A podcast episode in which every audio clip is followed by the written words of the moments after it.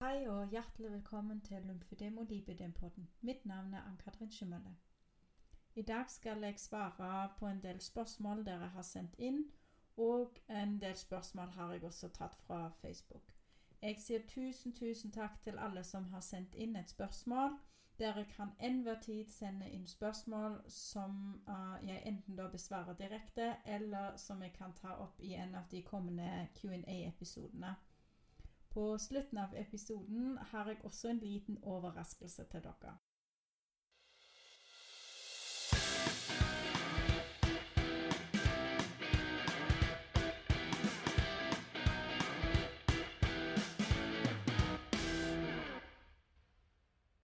Det har blitt sendt inn så mange spørsmål at jeg skal dele det opp i flere episoder.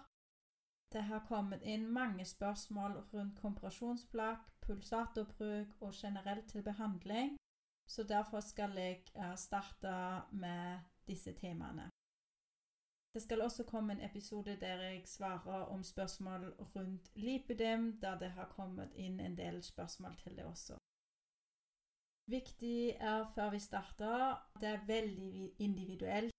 Mye er avhengig av om du har lymfedem, lipedem eller kanskje begge deler. I tillegg uh, har du kanskje noen andre plager uh, eller utfordringer jeg ikke vet om, så derfor anbefaler jeg alltid at du tar det opp med fysioterapeuten din eller med lege. Men allikevel skal jeg prøve å svare så omfattende og konkret som mulig. Vi starter med et veldig hyppig spørsmål. Hvor lenge trenger jeg kompresjon? Trenger jeg den resten av livet? Det er mye som spiller inn der. Viktig er jo f.eks. har man lymfødem, har man lipødem, har man begge deler. Når man har rent lipødem, så bruker man jo kompresjonsplagg for å jobbe mot inflammasjon, altså betennelse i selve fettcellen. Der er det ikke noe væske inne i bildet.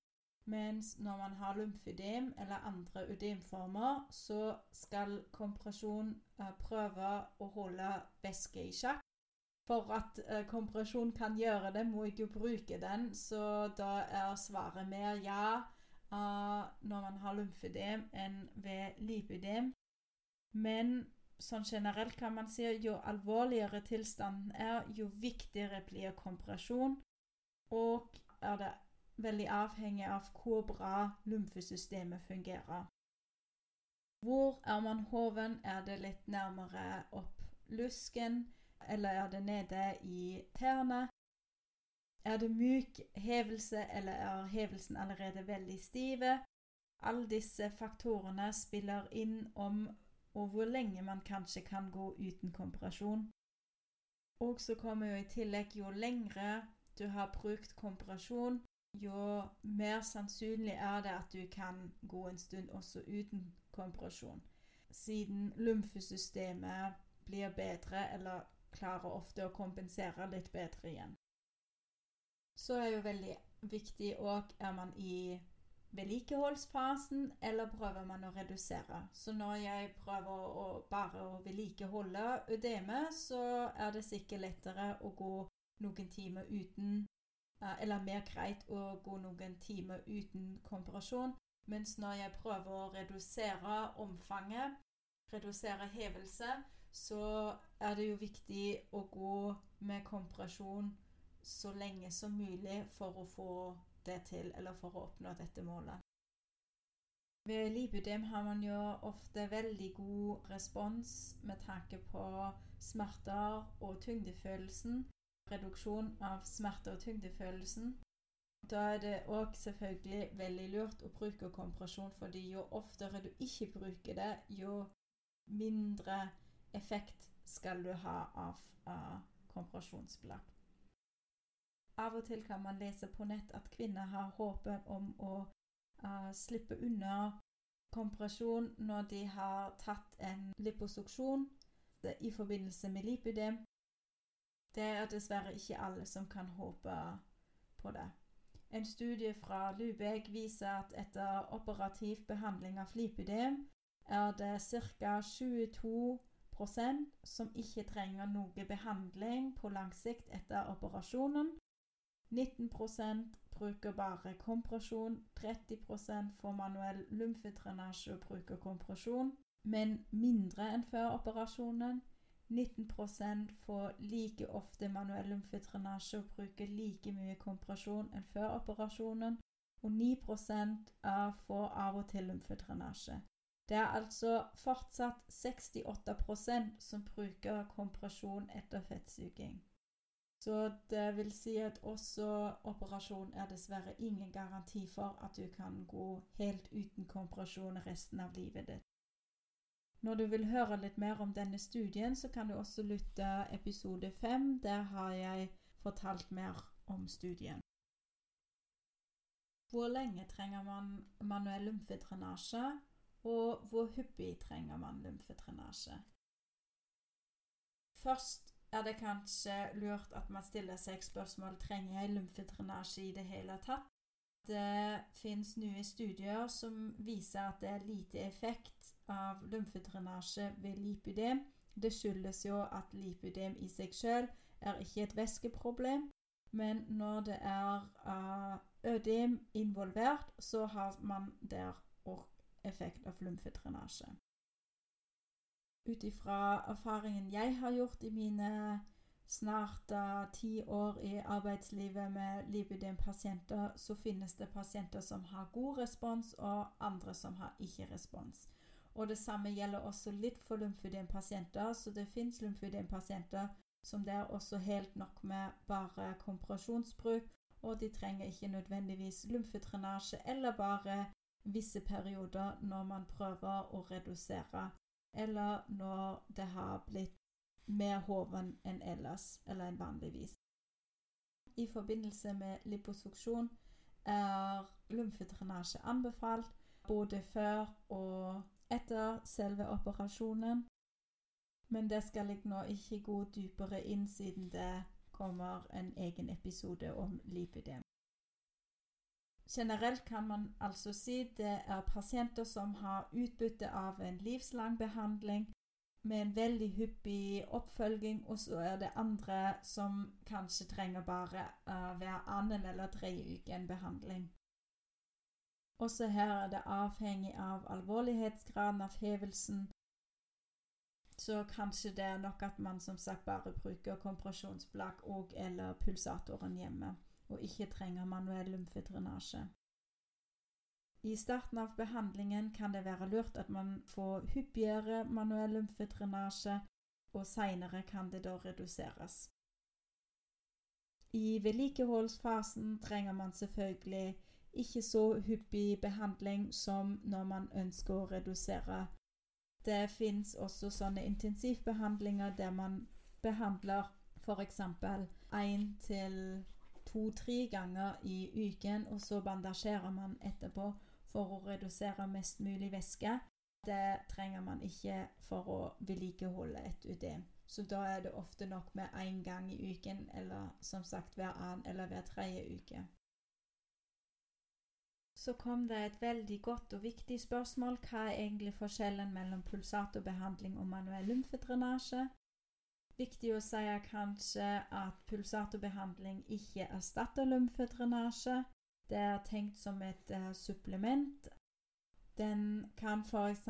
ikke behandle mellom fingrene eller tærne. Den kommer ikke så godt rundt anklene. Den kommer ikke så godt mellom de store muskler som vi har på baksida av lårene.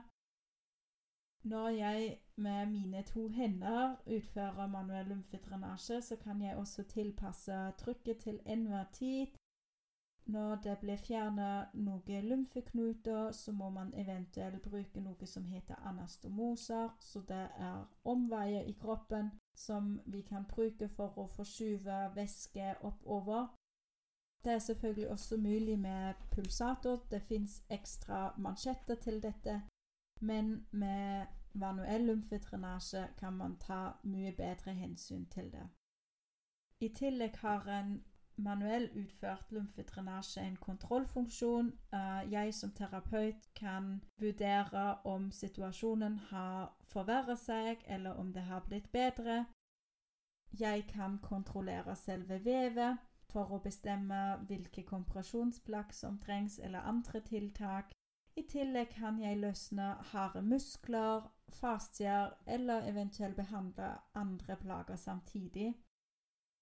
Når man er plaga av fibroser, så er det mye enklere å løse de med hendene enn pulsatoren. Så dere ser det er mange ting en pulsator ikke kan, men jeg er kjempeglad for at den fins, fordi man kan få hyppigere behandling dere kan ha pulsatoren hjemme i skapet og hente den ut ved behov, mens det er vanskelig å oppbevare en fysioterapeut i skapet og hente den ut når man trenger det. Så da er det veldig greit at den muligheten fins, og pulsatoren ofte har også god effekt på å redusere hevelse og smerter. Så kom det et spørsmål til uh, på samme emne. Når på dagen skal jeg bruke pulsatoren? Begge deler har faktisk uh, sine fordeler, både når du bruker den på formiddagen eller om du bruker den om kvelden. Så når du bruker den på formiddagen, så aktiverer du lymfesystemet og starter litt lettere i dagen. Og ja, lymfene får jobbe i begynnelsen litt mer. Mens når du bruker pulsatoren om ettermiddagen, når du er mest hoven og kanskje tung og har kanskje mer smerte etter en tøff arbeidsdag, så får du redusert bedre smertene dine og tyngdefølelsen. Men det beste er faktisk uh, å prøve hva som passer best for en. Det er jo kanskje òg litt avhengig av sin hverdagen hvordan ser dagen ut? Sant? Når man allerede går på jobb klokken seks, er det vanskelig å gjøre pulsatorbehandling før selve jobb. Mens når man starter litt seinere eller i helgene, så kan det være kjekt å gjøre det før på formiddagen, og så har man resten av dagen fri. Så da må man alltid se litt hvordan det passer best for en sjøl. Neste spørsmål er rundt kompresjonsplagg. Nå på dagen skal jeg bruke kompresjonsplaggene mine. Best er jo særlig når du har lymfødem, uh, når du tar de allerede på mens du ligger i senga. Slik blir det minst væske som får sige nedover. Gjerne åpne også lymfene før du tar på kompresjonsplagg. Så når du har mye ødem, så får kroppen transportere det lettere ut. Hvis du har nattstrømper, så kan du ta av de vanlige kompresjonsstrømper på kvelden. Når du sitter på sofa f.eks., ligger beina litt opp. Smøre huden godt inn med noe fuktighetskrem. La det trekke inn, og før du ligger deg, så kan du ta på nattstrømpene. Viktig er at man bruker sin kompresjon når man trener eller er ute på en tur, fordi da hjelper kompresjon mye bedre. Det har en bedre effekt ved mosjon. Til slutt kommer et spørsmål som sikkert mange også lurer på. Kan jeg gå en dag uten kompresjon? Det er jo veldig individuelt. Som jeg har nevnt før, er det avhengig av mange faktorer. Hvor mye hoven er man? Har man rent lipidem, eller har man lymfødem? Hvor alvorlig er ødemet man har. Så det er veldig lurt at du tar det opp med din fysioterapeut for å være sikker om du kan gå en dag uten kompresjon eller ikke. Generelt kan jeg si at når du har rent lipødem, så er det ganske sannsynlig at du kan gå en dag uten kompresjon. Så det kan være at du får litt mer vondt uh, igjen etterpå, og at det tar flere dager før det blir mindre vondt igjen, eller før du får redusert smertene igjen. Mens når du har lymfedem, så kan det være at du blir litt mer hoven, men når du da bruker kompresjon etterpå igjen, eller kanskje bandasjerer, så får du redusert ødemet ganske raskt igjen, sant? eller får det på normaltilstand. Da er det jo ingen problem å gå en dag uten, men når du allerede hovner veldig opp etter bare 30 minutter, så burde du absolutt ikke gå en hel dag uten kompresjon. Og i hvert fall ikke når du er nylig operert etter en liposuksjon. Så det er kompresjon veldig, veldig viktig. En liten tilførelse fra min side som fysioterapeut. Ikke la unntak bli en vane. Sant? Så som med sjokolade Sjokolade er ikke farlig, men det er mengden som utgjør om det er bra for kroppen eller ikke. Caroline Sprott, en uh, modell fra Medi og en lipidemkjemper, sa kompresjon er et våpen, ikke en avstraffelse. Se det som noe som hjelper deg i kampen mot sykdommen, noe som gjør veien din lettere.